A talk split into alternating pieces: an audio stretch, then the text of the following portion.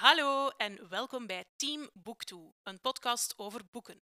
Wij zijn Gert-Jan en Liesbeth, twee vrienden die houden van lezen en praten over boeken. Vandaag bespreken we Tussentijds van Peter Zanting.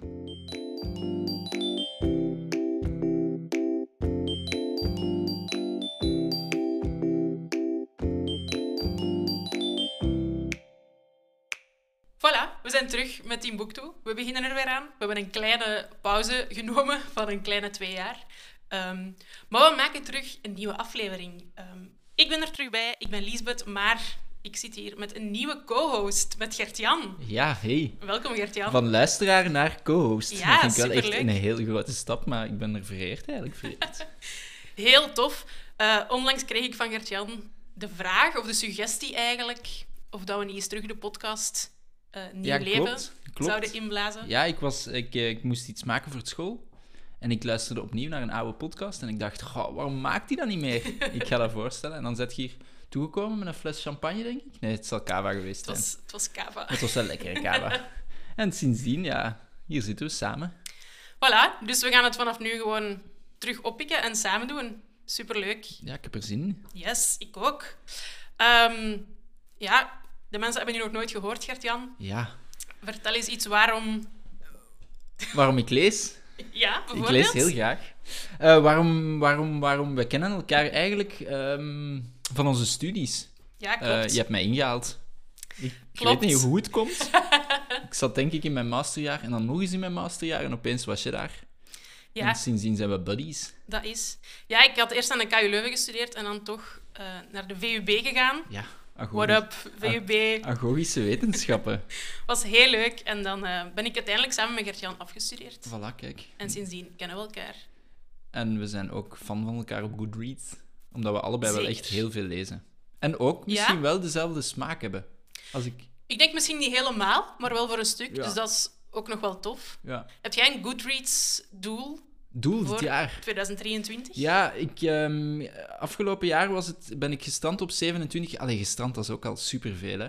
Ja, Maar ik, ging, ik wou terug, wat het jaar ervoor was het veel meer. En ik miste het soms. Ik ben er soms wat uit geweest. Mhm. En ehm, ik vind een regelmaat aangenaam. Dus ik ben in het najaar terug be- veel beginnen lezen. En nu eigenlijk aan het nieuwe jaar begonnen. En ik zit al aan een, allee, twee, drie boeken, denk ik. Het Ah, gaat zalig. opeens snel, ja. Maar Ah, ik heb tijd ook, hè. Ik heb er nog maar eentje uitgelezen dit jaar, echt. Dat is hetgeen dat we vandaag gaan bespreken. Ah. Maar ik zit nu zo wat in een vibe dat ik zo verschillende boeken door elkaar aan het lezen ben. Ik doe dat soms. Ja.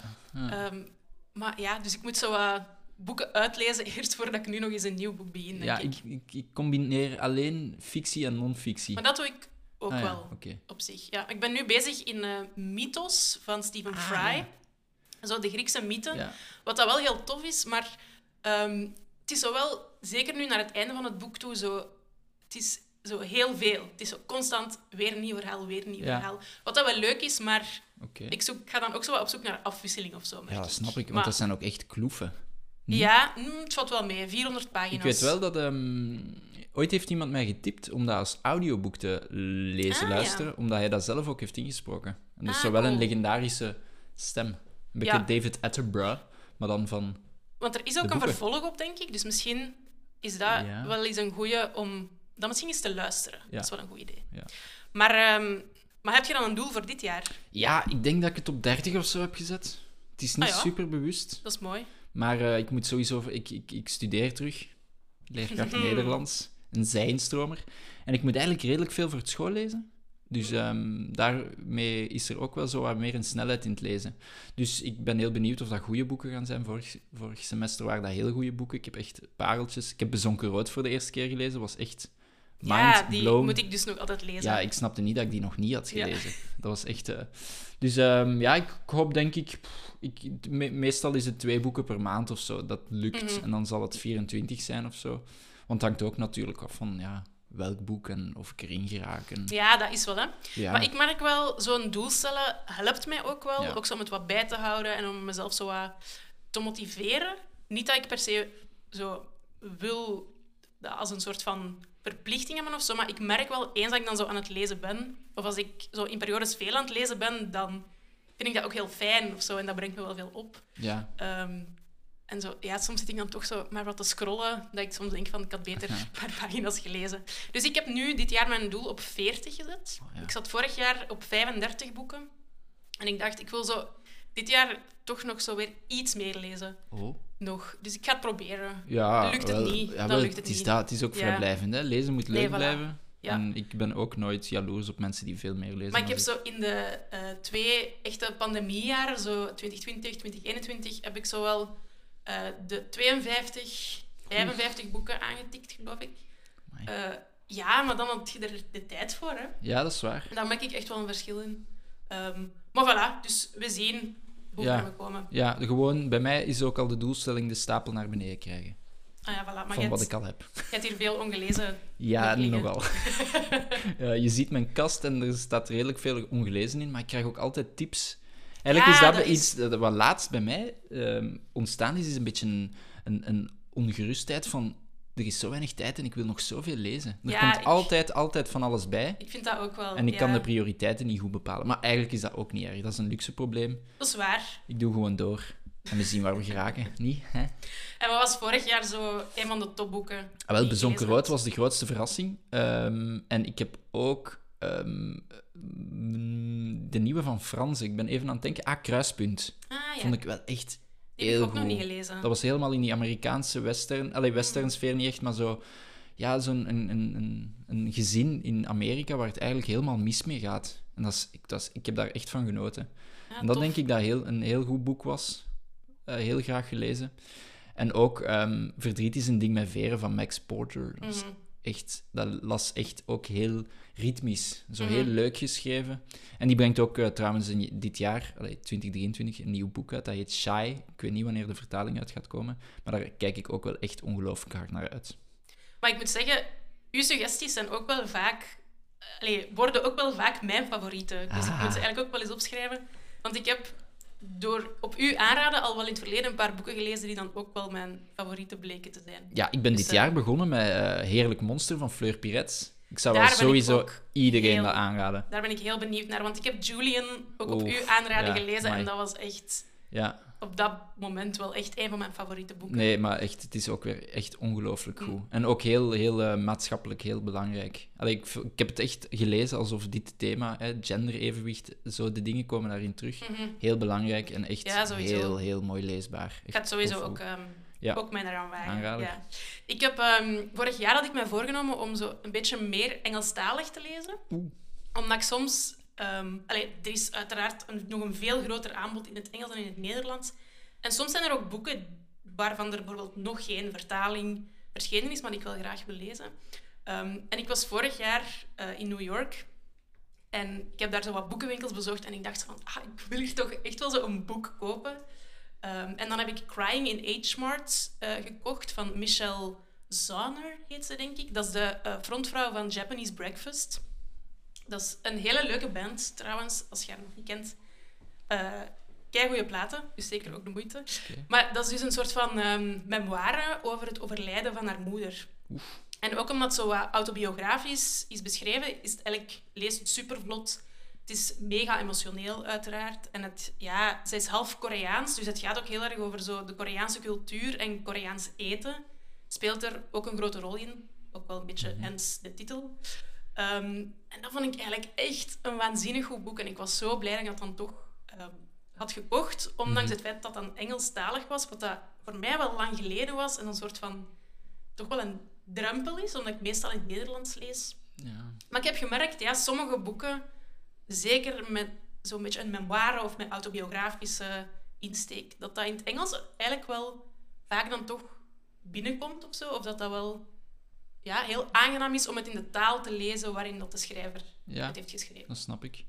Dus, Bij mij ehm, denk ik de enige Engelstalige dat ik echt vlot heb gelezen was Harry.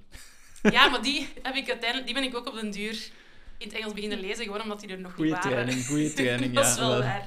Maar voor de rest, ja, ik lees eigenlijk bijna allemaal Nederlandstalig. Maar wat ik wel vaak zie, zijn zo de Engelstalige boeken. De prijzen daarvan zijn altijd heel aangenaam. Echt waar. En ook die pocketversies, dat leest Ja. echt... Want meestal zo zelfhulpboeken, dat Mhm. lees ik ook af en toe, hè, afwisseling. Daar lees ik er wel in het Engels van, omdat Mhm. dat vaak niet is uitgegeven in het Nederlands of heel, heel slecht vertaald. Ja, wel, dan is dat zo wat tenen krullen soms. Ja, maar nu, ik vind zo de vertalingen tegenwoordig heel veel aandacht aan vertalingen. Veel beter Mhm. dan vroeger. Zeker ook waar. Ja, dus ehm, ik lees eigenlijk vooral Nederlandstalig.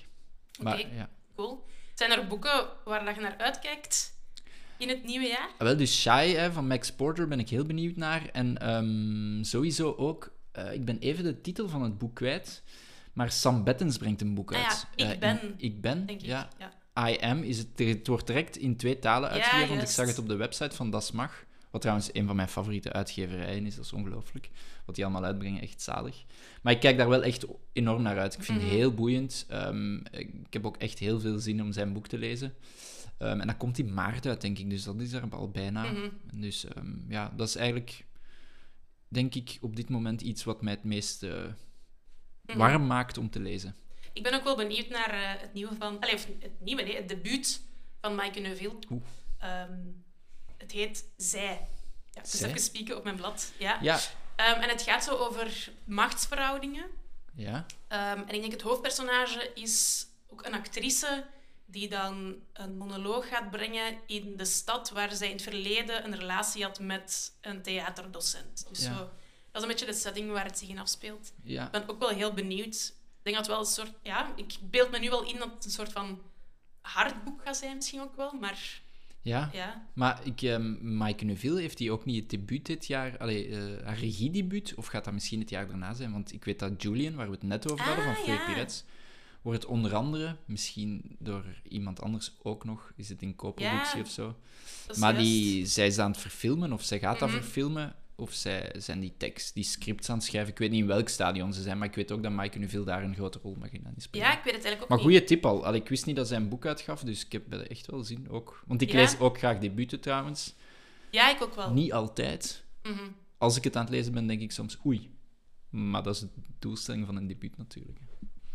Ja, en wat ik ook wel tof vind, eh Lise Spit gaat het Boekenweekgeschenk, eh, of heeft het Boekenweekgeschenk geschreven, De Eerlijke Vinder Oef. heet het. Dus dat is ook wel tof, want in het verleden was dat ook eens... eh Hannah Barvoets heeft het ook eens geschreven, dat vond ik toen heel leuk. En dat is, ja, dat is vaak zo'n iets korter verhaal, ehm, maar wel vaak zo'n leuk extraatje op die moment. Dus ik ben ook wel benieuwd, Oké, ik lees cool. Lise Spit ook wel heel graag eigenlijk. 23 wordt wel echt een topjaar, denk ik. Ja, Allee, zullen zien. het is dat. We komen er bij jullie terug. Hè? Voilà, maar we gaan het vandaag ehm, hebben over een ander boek. We gaan het hebben over eentje van Peter Zanting. Het heet Tussentijds. Mhm. Ehm, en we hebben het allebei de afgelopen week gelezen. Ja, Ehm, ik vond het een supergoed boek. ik ook, maar Ja. ik ben er niet goed van eigenlijk. Voilà, dus we gaan eh, er eens een beetje dieper induiken. Maar misschien eerst eventjes kort schetsen wie is Peter Zanting. Hij werkt eigenlijk als journalist bij NRC en hij heeft tot nu toe al best wel wat boeken geschreven. Ehm, hij heeft vier romans geschreven, ehm, waarvan ik er nu al twee heb gelezen. Ik denk jij ook. Ja, Ja, klopt. en ook twee sportboeken waar ik me niet per se verder in verdiept heb. Dat is minder eh, binnen mijn interessegebied. Ja. Ehm, maar dus de romans, ja, tot nu toe ben ik grote fan Ja, eigenlijk want van wat hij schrijft. Mm, Ik, de, ehm, het boek dat ik ervan gelezen heb is na Matthias. Of na Matthias. Als het een Nederlander Ik is, denk- misschien na Matthias. Ik denk naar Matthias. Ja, dat gaat het zijn. Ja. En ik heb dat toen eh, ook eh, aan een heel grote solder kunnen kopen. Ik heb het zo vijf exemplaren gekocht voor 2 euro. En ik heb dat aan mensen cadeau gedaan. Wauw. Ja, zeker. Want ik was daar echt, echt, echt van ondersteboven. En we hebben dat nu toevallig voor ehm, het vak literatuur en cultuur 3 op Mhm. school. Ah nee, literatuur en cultuur 1. Ho, ik loop voorop op de feiten. Eh, hebben we dat ook moeten lezen. Ik heb het niet opnieuw zelf gelezen, maar heel veel van mijn medestudenten, Mhm. die zijn allemaal zoiets 18, 19, die hebben dat gelezen. En eigenlijk is iedereen daar heel enthousiast over. ja, maar ik kan het me wel Ja. inbeelden, want het is op zich wel best een toegankelijk boek, denk ik. Ja, Ehm, ook voor iemand die misschien niet veel leest of een Ja. tijdje niet veel heeft gelezen en terug wat meer boeken wil lezen. ja, Ehm, en het toffe is, vind ik, ja, het is zo'n mozaïekverhaal. ja. Ik vind dat wel heel leuk om te lezen. En Ja. zeker als je dan zo de linken ehm door hebt tussen de personages of tussen de verhalen. ja. Ehm, maar wat ik ook heel tof vind aan zijn boeken is... Peter Zanting is ook een grote muziekfan. Ah ja. Dat komt zowel wat naar voren in zijn Mhm. boeken, maar ook zo in interviews enzovoort. eh praat hij daar ook wel... allee, of geeft hij dat zelf ook wel aan, dat muziek een belangrijke eh, inspiratiebron is voor hem. Mhm. Ehm, ik heb bijvoorbeeld ehm, van hem op Spotify zo een lijst met Wilco-liedjes. Allee, liedjes van Wilco die hij heel mooi vindt. Eh, ik ben ook wel best een Wilco-fan, dus ik zet die playlist zelf ook wel eens af en toe op.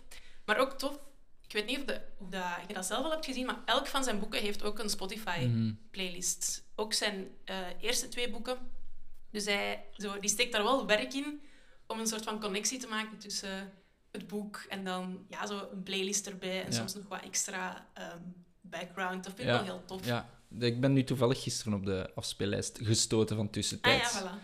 En het is wel een... ehm, Inhoudelijk was ik niet direct mee wel, waarom sommige nummers gekozen waren, maar het was zo echt... De liefde kwam erin voor, hè. Was- Ja, ja. Ja, en het, zijn, het is ook wel deels muziek waar ik sowieso zelf ook al wel naar luister. Dus dat vind ik wel ook een soort van leuk. eh. Dat we wat een gedeelde... Er zat zelfs volgens mij een nummer in van ehm, die West-Vlamingen. Hoe heet ze nu? Het zesde metaal, ja. Ja, ja, was, oeh, het zesde metaal, een Nederlander. Ja, en dat nummer is misschien ook wel een soort van eh, symbolisch voor Ja. het boek. Allee, of dat is Ja. heel erg verweven met Klopt. een van de thematieken die in het boek zitten, denk ik. Ja, Ehm, misschien moeten we er gewoon een beetje in ja erin duiken. Ik ga misschien ook al wel zeggen, ik denk dat we misschien ook wel iets over de plot gaan weggeven. Dus als je het boek nog niet gelezen hebt en je wilt helemaal geen spoilers of geen info over de plot, dan zou ik misschien nu stoppen met luisteren, het boek lezen en dan later nog eens terugkomen. Voilà. Ehm, wie het boek wel al gelezen heeft of gewoon heel nieuwsgierig is, voilà, bij deze luister zeker verder. Ehm, maar dus het nummer dat erin zit is met drie, Mhm. geloof ik. Ja, Ja, en dat is ook zo wel een stuk waar het boek echt over gaat. Hè? ja. Dat is wel de rode draad. Ja, ja. Het, gaat eigenlijk, het boek gaat over een koppel. Dat een, een, de man van het koppel heeft een heel felle klimaatnervositeit over de klimaatcrisis of zo. ja, hij is een beetje een soort van activistisch eigenlijk. Allee, Ja, en hij heeft eigenlijk... Hij, hij trekt het zich heel fel aan. Mhm. Het is iets dat hem echt bezighoudt. Je merkt dat in het hele boek. Het is iets waar hij wakker van ligt, iets waar hij iets aan wil doen. En op een gegeven moment denken ze aan kinderen. En dan begint eigenlijk een hele dynamiek zich te ontwikkelen in het boek. Van Ja. wel, niet, wat zijn jouw argumenten, wat zijn mijn argumenten. Mhm. Maar en het overkoepelende verhaal is dus eigenlijk... ehm, hij eh, gaat samen met zijn zoontje en neemt de trein naar Mhm. Duitsland. Ehm, dus de man heet Robin, het zoontje heet Mats, de vrouw heet Tess. En Tess is een eh, illustrator. Ze heeft een prentenboek uitgebracht. En ze is in Duitsland om dat boek voor te stellen. En hij reist haar achterna met de Mhm. trein. Ja. En tijdens die treinrit denkt hij terug aan bepaalde momenten of heeft hij ontmoetingen. Ehm, en zo gaandeweg leer je het verhaal eigenlijk een beetje kennen. Ja. Ehm, wat dat ik zag dat hij er zelf ook over vertelde, was... Het is zijn meest autobiografische boek dat hij tot nu toe heeft geschreven. Want dat vroeg ik me eigenlijk zelf al een beetje af tijdens het lezen. Ehm, want dus ja, het vraagstuk van het boek is natuurlijk de vraag... wil ik ouder worden? Wil ik vader worden? Wil ik een kind krijgen? Ehm, en die beschreef dat ook zo heel concreet, ook zo het, het, het vaderschap zelf, dat ik zo dacht van ja, die moet toch bijna zelf al een kind hebben Mhm. om dat zo accuraat te beschrijven. ja. Ehm, en dan heb ik, eh, kijk, ik heb een beetje research gedaan. Oeh. Ehm, hij heeft, Peter Zanting heeft ook een website. Mhm. En daar vind je ook een soort van dagboek ehm, met een aantal fragmenten over het proces van het schrijven van dit boek. Ehm, en daarin vermeldt hij ook zijn zoontje. Mhm. Zijn zoontje heet Esper en het boek is ook opgedragen aan Esper. Nou, Dus dat, ja, eh, het is opgedragen aan zijn zoon. ah, leuk. Dat Dus, had ik zelf voilà. niet opgevallen. Nee, maar ik, ja, ik dacht, het, En het, het is- moet bijna zo zijn. En je hebt... Het is een autobiografisch boek ook deels. Hij zegt zelfs dat het zijn meest autobiografische boek is. Ehm, dus ik begrijp daaruit dat ja, het, het vraagstuk van het kinderen krijgen, dat dat waarschijnlijk wel iets zal zijn waar hij zelf een tijd mee heeft gezeten. Maar ook het, ehm, het klimaataspect. Hè, want de eh, klimaatcrisis, de opwarming van de aarde, Mhm, is ook wel ja. een heel belangrijk thema in het boek. Ehm, en ja, voor zover ik het heb gelezen of heb gehoord in interviews, ehm, is dat ook iets wat dat hem bezighield, ook als zijn zoon geboren was. Hè? Het feit van, die zomers worden nu zo Ja. warm, mijn kind gaat nog zo lang leven, nog een stuk Mhm. langer dan ik. Wat voor wereld of wat voor omgeving laat ik over aan hem? ehm, ja, dat is inderdaad, dat Ja. is inderdaad zo het grote vraagstuk van, van, de, ja, van onze maatschappij. Ja, wel, hier staat het ook op de achterkant, het vraagstuk van deze tijd. Ja, voilà. Allee, ik vind dat wel... Ik heb het zelf niet afgelezen, Nee. maar kijk. Kijk, maar ehm, is dat het, wat ik vaak tegenwoordig met romans mij afvraag, is of het ehm, auto, autofictie, dat is zoiets, Mhm. dat is een, nieuwe voor, allee, een nieuwere vorm van literatuur. Hè. Ehm, Ah ja. Connie Palme doet dat met AM bijvoorbeeld. Maar ook, ik las deze ochtend in de krant, eh, dat Drift van Brechtje Hofstede is ook zo'n autofictieboek. Mhm. Dat je eigenlijk niet goed weet, ah, wat is nu waar gebeurd, Mhm. wat is nu autobiografisch hierin, en wat is verzonnen, of wat is de, de, de andere kant. Dus Mhm. ik vind dat wel ook, in dit boek was ik ook heel fel aan het lezen, als je dan niet zelf over, zo over dingen denkt, of zelf met die vraagstukken de- eh, zit, Mhm. dan vraag ik mij af of je dat zo accuraat en zo mooi eigenlijk, want het is ook echt mooi geschreven, Ja, ja, sowieso. of je dat zo mooi ook kan verwoorden. Mhm. Het moeten echt dingen zijn die je ook bezighoudt. Denk ja, ik. zeker. Ah, wel, dus ik, ik vermoed dan dat het misschien inderdaad een soort van auto-fictief werk is. Ja. Ehm, dingen, allee, het zijn echt wel zaken eh, die, denk ik, hem hebben bezig gehouden, maar het is, voor zover ik weet, niet per se dat het effectief zo gebeurd is Nee, in zijn leven. nee, oké. Ehm, wat dat ik ook al wel meteen... Allee, in de eerste pagina van het boek word je er zo wel al wel meteen ingezogen. Voor de ik- luisteraars, wij bladeren nu mee. hè. We hebben allebei een exemplaar en we bladeren mee in het boek. Maar wat ik daar zo'n beetje jammer vond zelfs, is dat dat zo kort was. Ah, het begin. Mhm. Ah Ja. ja. Ehm, dus het begint met het feit dat zijn zoontje geboren wordt en dat het opgroeit. En dat is een soort van montage die eigenlijk heel snel Mhm. vordert. Eh. Het is heel filmisch, je ziet het zo voor gebeuren. Ehm, maar ik had dan meteen zoiets van, ah, ik wou hier al meer over lezen. Maar misschien is dat ook wel zo'n soort van... Ja, en ook het komt toch direct binnen. Ja, dat is waar. Bij mij was die Ja. eerste... Ik, allee, ik, ik wil de eerste zin misschien anders... Er, er staat... Hij zou er niet moeten zijn. Hij was er wel en we noemden hem Mats. Mhm. Dat vind ik al zo... Oh, Ja, ja, bij mij is dat al, dat is al mooi, maar dat komt ook al zo... Oké, direct... We weten direct dat er iets, een boek op ons afkomt dat niet het eenvoudigste gaat zijn. Het Qua waar. thema, hè. Ja, want die tegenstelling zit... Ja, eigenlijk een- vat dat alles samen. Ja, dat, ja voor Dat mij wel. Ik was echt eh, direct hooked. Mhm. Ja, nu dat we toch zo op de eerste pagina zitten, Mhm. wat dat ik dus ook heel tof vind aan het boek, is de vormgeving. Eh, Sowieso, Das Mag eh, de, heeft altijd heel mooie covers, vind Mhm. ik. Ehm, maar zo de tekentjes om de hoofdstukken aan te duiden, ik weet niet wat de juiste term daarvoor is. Ik weet niet of dat u daar iets aan is opgevallen. Ja, nu je het zegt eigenlijk. Ja. Ik ben mee aan het bladeren en nu Ja? zie ik het tju toch. Ik mis zo dingen soms, ja, dat is iets Ah, typisch. ah, wel, maar het was bij mij ook maar zo, toen ik bijna op het einde van het boek zat, Ja. dat ik het door had. Dus de hoofdstukken worden aangeduid met bloemetjes. Mhm. Ehm, ja, madeliefjes, denk ik. En eh, dat speelt ook een rol op een bepaald moment in de plot Mhm. van het boek. En naarmate je verder bladert, verliezen die bloemetjes altijd een blaadje. Dus bij elk Mhm. hoofdstuk is er een blaadje minder. Dus het is eigenlijk een soort van aftelklok. Mhm. En zo het laatste is een zonnetje. Dus het allerlaatste hoofdstuk, ja, Vind ik ja, leuk. ehm, Ah ja, ik zie het. is, dan zijn alle blaadjes weg en dan is het een zonnetje geworden. Ehm, en toen ik dat door had, dat, ja, ik vond dat zo een super mooi detail. Ja, maar dat, dat is ook een heel Ehm, mooi detail. Ja, want dat, ja, dat vat ook een beetje het einde samen of zo. Allee, of dat, Mhm. dat verwijst ook echt wel naar een heel belangrijk stuk van het boek. Of een heel belangrijk, ja. eigenlijk bijna de clue van het boek. Ja. Het is wel een, ook een boek met een echte clue, hè. Ja, Allee, ik heb jou daar ook over moeten sturen, omdat ik het niet helemaal had. Dus het is voor eh, de aandachtige lezer... ja ik heb, toen ik het uit had, heb ik het boek ook zo eventjes moeten laten Ja. bezinken. En ik had heel snel de neiging ook om zo eens terug te bladeren. Of om bijna te denken van, ik ga het nu nog eens lezen. Mhm. Dat heb ik niet gedaan. Want meestal denk ik dat dan wel, maar dan zet ik me daar dan toch niet aan. Omdat Nee. zo, zo een boek in één keer of meteen eh, opnieuw lezen, ja, dat doe ik eigenlijk nooit. Nee, maar ik heb wel nu voor mezelf, omdat het is iets ook dat mij bezighoudt, het thema. Allee, zo Mhm. kinderwens, klimaatcrisis, dat zijn Mhm. dingen waar ik ook in mijn, in mijn dagdagelijks leven... Allee, eigenlijk, ook het boek, volgens mij is het getipt geweest door eh, Annelien van Barboek. Ik weet niet, je kent ze Mhm. wel. Volgens mij zei ze, dit gaat echt iets voor jou zijn. Omdat ik daar waarschijnlijk vaak aan het zeuren ben over al die dingen.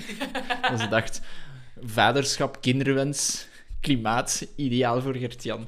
Dus op, vanaf pagina 69 was er eigenlijk een hele dialoog tussen ehm, eh, Robin, Robin, ik ben zijn naam even kwijt, Tess en Dat is een Robin. Robin, Ja. Tess en Robin, eh, is er eigenlijk een heel dialoog over zij die ze, over, een dialoog over waarom ze wel of geen kind zouden moeten krijgen. Mhm. Hij die haar probeert te overtuigen van dingen, zij die eigenlijk het menselijke aspect, hij, hij- hij bekijkt het eigenlijk heel klinisch, heel rationeel, Mhm. de kinderwens die hij heeft. Maar zij, zij, zij brengt het emotionele daarin. En dat is echt een dialoog dat ik opnieuw heb gelezen, omdat ik echt... Ik vond dat zelfs inspirerend. Mhm. Ik dacht, amai, allee, allee, dat is echt iets... Dat raakte mij en dat gaf mij echt inspiratie over hoe moet je inderdaad niet altijd rationeel naar, deze, naar het probleem kijken. Er mogen ook emoties inkomen. En dat vond ik wel een heel goeie, Ja, goed moment. En dat heb ik echt heel graag opnieuw ook gelezen. Dat is het natuurlijk ook. Hè? Want ik denk ook, een van de redenen, denk ik, waarom dat we dit boek misschien allebei heel goed vinden, is ook omdat, ja, het gaat ook over thema's die ons, denk ik, zeker op dit moment in ons leven, we zijn allebei begin de dertig, Ja. allee, waar dat we mee zitten, hè, Ja. waar je sowieso wel eens over nadenkt. Zo het feit van, ehm, wil ik een kind krijgen? Ehm, hoe gaat de wereld eh, Mhm. evolueren? Of, of hoe, hoe gaat het verder met die klimaatproblematiek?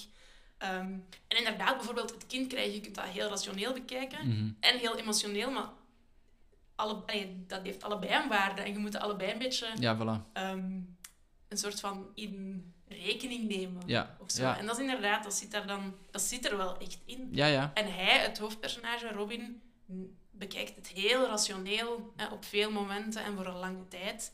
Totdat inderdaad Tess dan het emotionele aspect meer in de discussie. Ja, want het is ook echt ook goed verwoord. Ergens zegt hij, ja, ik, ik- kan het hier letterlijk zeggen. Om, hij zegt om iets in gang te zetten met een levensverwachting die zich uitstrekt tot ver voorbij alle voorspellingen. Zij reageert daarop, het wordt geen iets. Hij gebruikt het woord iets, maar eigenlijk gaat het over een kind, het gaat over een levend wezen. En hij ziet het als een iets, maar zij zegt eigenlijk, ja, dat is niet gewoon een iets, hè. dat is een kind, dat is iets Mhm. in de toekomst. En zo zit het eigenlijk vol met hele goede dialogen. Ook die emotionaliteit. Op hij zit op een trein, hè. Hij- hij gaat naar Duitsland. Mhm. En hij komt daar in aanraking met een professor die ook onderweg is in Duitsland. Ik weet nu niet of het een Duitser is of een Nederlander, maar... En daar hebben ze ook een gesprek over zo'n toekomstbeeld. En hij, die man brengt ook meer het emotioneel erin. Want die zegt, ja, elk student die bij mij afstudeert, die zitten allemaal ook met die vraagstuk. En ik heb geen Mhm. ene geweten die afstudeert en die niet staat te popelen om in de wereld te stappen, om aan de slag te gaan met dingen. Dat moet niet allemaal met klimaat zijn. Maar hij, merkt een enthousiasme bij van zijn- zijn afstuderende studenten van, hè, die, die, die staan te popelen om aan de slag te gaan in deze maatschappij. En hij zegt ook tegen, tegen Robin dan, kijk, allez, ik zie dat dagdagelijks, we moeten niet zo pessimistisch zijn. En dat is, ja, dat is, ik vind dat, ja, Nee, maar dat is ook, hè. En dat is Ja. ook natuurlijk een beetje een kwaliteit die we misschien zo gaandeweg ook zo'n beetje Mhm. verliezen. Dat is ook wel jammer. mhm, Ehm, maar ja, het, het confronteert u ook wel heel erg, of het confronteerde mij tenminste ook wel heel erg met zo die, ehm, die soort van tweestrijd die je daarin hebt. Eh, neem nu de klimaatproblematiek. Eh, enerzijds denk ik dan van, oké, ik, wil, ik wil hier bewuster mee omgaan en ik wil bijdragen en ik, ik eet allee, soms bewust vegetarisch of plantaardig en ik probeer Mhm. veel de trein te nemen en niet te veel de auto te nemen enzovoort. Maar dan anderzijds denk je, als je dan beseft ehm, hoe kleine druppels op een plaat dat, dat soms zijn, en als je dan ziet naar wat dat bedrijven doen of Mhm. ehm, zo, ja, hoeveel uitstoot er komt van ehm, fabrieken en industrie en zo, dan denk je ook van ja, wat is het punt zelfs? ja. Zo die eh, tweestrijd of zo, daar Mhm. zit ik soms ook zelf wel aan mee. Ja, en dat zijn ook zaken ja, waar dat Robin in het boek ook heel erg mee, mee worstelt. Ja, Ja. Dus het, het, al die zaken komen heel bekend voor. En dan heb je nog een derde thema, vind ik. En dat is zo het thema van ouder worden. ja, En eh, ook uw ouders. ja. ouder zien worden en daarover nadenken. Ja. Ehm, dus het zijn eigenlijk ja, voor mij zo ook wel de, de grote thema's van het leven en de grote vraagstukken waar je zo enerzijds in kunt vastzitten en langs de andere kant beseft je van ja, ik moet het soms loslaten en ik moet soms inderdaad wat emotionele keuzes maken of, Ja. of ik kan er niet altijd over piekeren, want dat brengt ook niks op. Ja. Zo, en in Nee. die zin is dat misschien ook wel een, een boodschap of een positieve boodschap die je misschien wel een beetje Ja, ja, ja. halen. Ja, ja. En ik, als je dat zo zegt, en wij die daarover praten, we zijn allebei begin 30. Mhm. En ehm, ergens, ik denk De Morgen of De Standaard zal een van de kranten geweest zijn die er een, ehm, een recensie over had geschreven. En die omschreven het ook echt als een millennial boek. En dat is het ook. Dat is het wel. Het is echt een millennial Ja. boek. En ik vind dat altijd ook wel leuk. Dat ze mij kunnen vatten. Ja, tuurlijk. En ik schaam me daar ook niet voor, om een millennial te zijn. Want wij zitten inderdaad met sommige vraagstukken die op ons afkomen. Soms worden we zo wat weggelachen. Maar hier, Ja. ik herkende mij daarin. Ik dacht, oké, Ja, ik voel me erkend. Maar is dat, dat is ook toch soms waarom dat je een boek goed kunt vinden. Ja, hè? Omdat het herkenbaar Ja, is en omdat je zelf erin herkent. Ja, Maar zo buiten die herkenbare thema's en herkenbare situaties vind ik ook gewoon wel... ehm, het zit goed in elkaar. En de, de plot Mhm. Zit ingenieus in elkaar. We zeiden het er net wel van. Je Mhm. wilt soms ook wel eens terugbladeren om bepaalde passages te herlezen. Dat heb ik dus wel gedaan. Ben af en toe eens terug gaan eh, bladeren van... Ah ja, maar hoe zat het nu weer ehm, in die situatie of in dat gesprek? Omdat gaandeweg ehm beseft je dat er meer in het plot zit dan dat je initieel denkt. Ja. Hè, Want de achterflap zegt... Dus ik denk dat er nu misschien wel echt wat spoilers gaan komen. Ehm, de achterflap zegt, hè, een man gaat met zijn zoontje op reis met de trein zijn vrouw achterna. Ehm, maar gaandeweg beseft je dus dat het verhaal letterlijk twee sporen ja. heeft. Maar dat heeft bij mij wel e- even geduurd. Het heeft bij mij ook Ik eventjes heb geduurd. wel af en toe de vraag gesteld, hè, waar is het kind nu opeens? Exact. Want er, is- er zijn dialogen met die, met die prof en, en er worden ook vragen gesteld. Ik heb ook daarom wat teruggebladerd en dan dacht ik, waar is dat kind nu? En ook, soms had ik echt zoiets, maar allee, je gaat naar het toilet en je laat je kind alleen zitten Ja. in die trein. Dus dan was ik zelfs een beetje verontwaardigd. Ah, wel, inderdaad, ik heb die gevoelens exact ook gehad. Ja, En dan op het einde beseft je, ah, het gaat eigenlijk om twee treinritten. ja, En niet om die ene treinrit Ja. zijn kind. Hij heeft zijn kind niet gewoon random Ja. op een stoel laten zitten in een wagon, nee. bijvoorbeeld. Ja. Maar dat is een beetje een spoiler, het is niet helemaal... Nee, dat is waar. Ja. Ehm, maar dus ook het moment waarop ik dat dan door had, dat klikte voor mij. Dus zo, ik hou daar zelf heel erg van in een boek als het zo... ehm, als het een goede opbouw heeft en als ik dingen door heb op het moment dat het zo moet of zo, of dat het de bedoeling is. Mhm. Ehm, ik had dat bijvoorbeeld heel erg ook bij ehm Lise Spit, Het Smelt, bijvoorbeeld. Ja. Er zijn mensen die zeggen van, ik had er al kei lang zien aankomen. Ik niet per se. Ik had, ik had de clue niet per se heel snel door. Ik had dat door op het moment dat voor mij zo de juiste moment was. En daarom, Mhm. dat is een van de redenen waarom ik dat boek ook heel goed vond. Ehm, en dat had ik hier ook. Mhm. Dus ik had dat ook zo, ja, op de juiste moment door. En alles viel, de puzzelstukjes vielen plots in elkaar. Ja. En wat ik er ook wel eh, tof aan vond, was dat het zo een soort van full circle moment is. Zo als in, ehm, dus eigenlijk de eerste treinrit die hij maakt, eh, gaat hij alleen zijn vrouw achterna, die ehm, in de boekenwinkel haar boek voorstelt. Mhm. En bij de tweede treinrit, twee jaar later, doet hij hetzelfde, maar dan met kind. Mhm. En voor mij, de reden vind ik, allee, of hoe ik het begrijp dat hij dat voor de tweede keer doet, is ook zo gewoon een beetje voor de symboliek. Voor zo het feit Ja. van, ik heb dat toen gedaan Ja. en nu, twee jaar later, staan we op een soort van zelfde moment in het leven, maar toch helemaal anders. Dus ik wil dat ook een soort van Ja, want... opnieuw doen of bezegelen. Ja, want zijn eerste treinrit was ook echt om... Hij had echt het gevoel zijn relatie te gaan redden. Of Ja. hij wou zijn relatie redden en daarom pakte hij de trein. Terwijl bij op de de tweede eerste- keer was dat niet echt... Bij de eerste treinrit zaten ze inderdaad met het vraagstuk. Ja.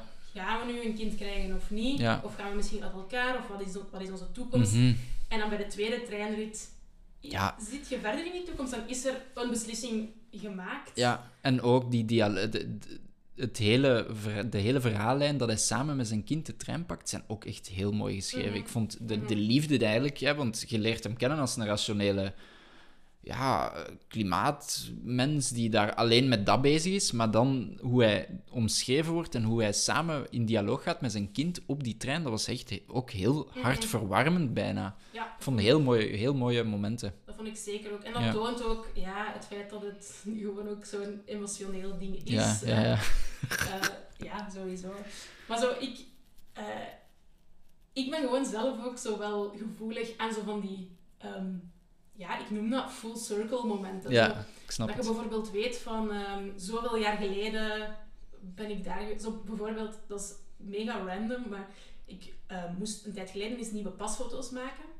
En toevallig zag ik, door zo'n herinnering op mijn telefoon, dat ik zoveel jaar geleden ongeveer op dezelfde dag ook pasfoto's ben gaan maken. Dus dan ben ik gewoon zo op exact diezelfde dag, maar zo vijf jaar later, Ja. terug pasfoto's gaan maken. Ja. Omdat ik zo iets had van, dat kan niet de dag ervoor of erna zijn. Dat moet zo dan zijn. Dus zo, soms heb je zo een soort van echo's in je leven.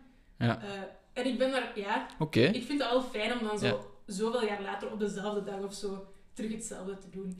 En zo, dat is zo'n reden waarom ik dan die clue of dat einde ook wel heel mooi vond. ja, en ook waarschijnlijk zo boeken graag lees.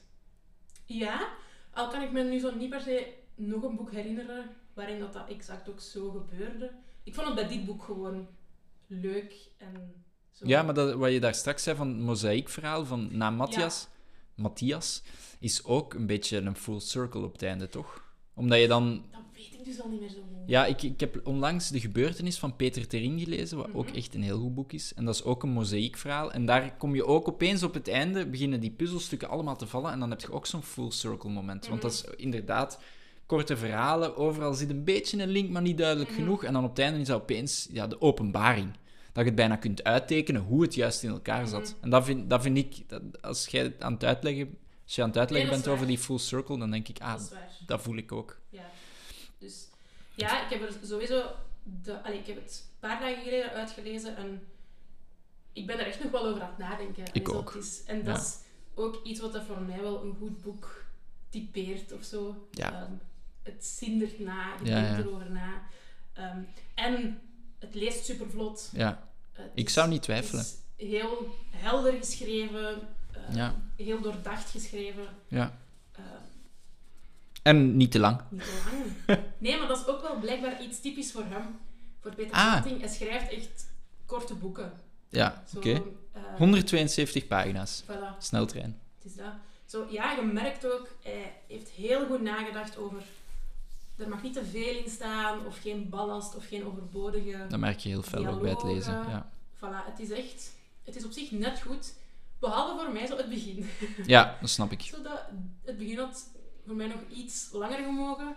Maar ik snap op zich ook wel waarom hij die keuze maakt. Ja, ik vind het altijd heerlijk om te weten dat, welke informatie eigenlijk een schrijver met ons deelt. Mhm. Want Ik eh, moet voor, voor mijn studies soms de vraag beantwoorden van wat zou je meer willen weten in het boek? En ik vind dat een afschuwelijke vraag. Omdat ik Ah, heel ja. fel erin geloof dat een auteur zelf kiest wat hij wil delen. Er zijn geen personages in dit boek bijvoorbeeld waar ik meer zou over willen weten. En dat is soms een vraag dat terugkomt, maar bij mij, daarom dat ik dit ook heel graag gelezen heb. Er is geen, inderdaad geen Mhm, ballast, er is mhm. geen overbodige informatie. En hij kiest zelf wat hij deelt. Ik vind het echt een heel veelzijdige auteur eigenlijk, als ik er nu over terugdenk over het boek. Ja, sowieso. Ja. Want ik heb ook al bedacht van, goh, ja, zijn eerste twee boeken. Ik ben daar eigenlijk ook wel benieuwd naar. Ik heb wel gemerkt dat ze niet meer ehm, overal verkrijgbaar zijn. Dus ik moet dit op zoek gaan eh, tweedehandse meid. Zien wel. Boekenbali. Ken je Boekenbali al, Lisbeth? Dat is echt... Oeh. Maar goed, ja. Dus we raden het aan aan iedereen. Hè. Zeker. Waar ik benieuwd naar ben. Hè? We zijn ongeveer aan het afronden. Mhm. Hoeveel sterren heb je het gegeven? Allee, Goodreads, hè? Goodreads, vijf sterren. Vijf sterren. Ik ook. Ja. Voluit vijf sterren. Ik gebruik nu ook wel ook de Storygraph. Ah ja, je bent zo iemand. Ehm, ja, maar daar, daar kun je eigenlijk veel meer in Ja. zetten. En daar kun je ook nuanceren in je sterren. Maar daar heb ik het ook alsnog de vijf volle sterren en heb je daar vriendjes? Ja, eigenlijk nog niet op dit moment. Geen vriendjes. Dus, ehm, Dus de Storygraph. voilà, wie vriendjes wil worden met mij op Storygraph. Ja, want eigenlijk Goodreads is eigendom van Amazon, hè. Ja, Dat is Bezos. maar ja, het is toch het sociale aspect Ja. of zo dat mij er nog wel wat op. Ja. Het is ook wel leuk om te zien wat Tuurlijk, iedereen ja. aan het lezen is. Ja, klopt. Maar goed, ja. ehm, grote aanrader dus. Ja. Tussentijds van Peter Zanti. Zeker. Voilà. Vond je dit nu een leuke aflevering? Dan zou het heel fijn zijn als je je ook wil abonneren. ehm, op welk platform dat je deze podcast dan ook beluistert. Ehm, en dat je ons eventueel een leuke rating geeft. Dat helpt ook andere mensen om deze podcast eh, te vinden. Ja, Voilà, ik zou zeggen, volgende keer zijn we er weer. ja, en feedback of vragen, hè, die mogen altijd in de DM's geslide worden. Ja. Je weet wel. Of ehm, ja, gewoon op, eh, op de Instagram-pagina. Comment, like, inderdaad, DM. Dat is altijd leuk om ook iets van jullie te horen. Alright. De Yes, zeker. Houdoe!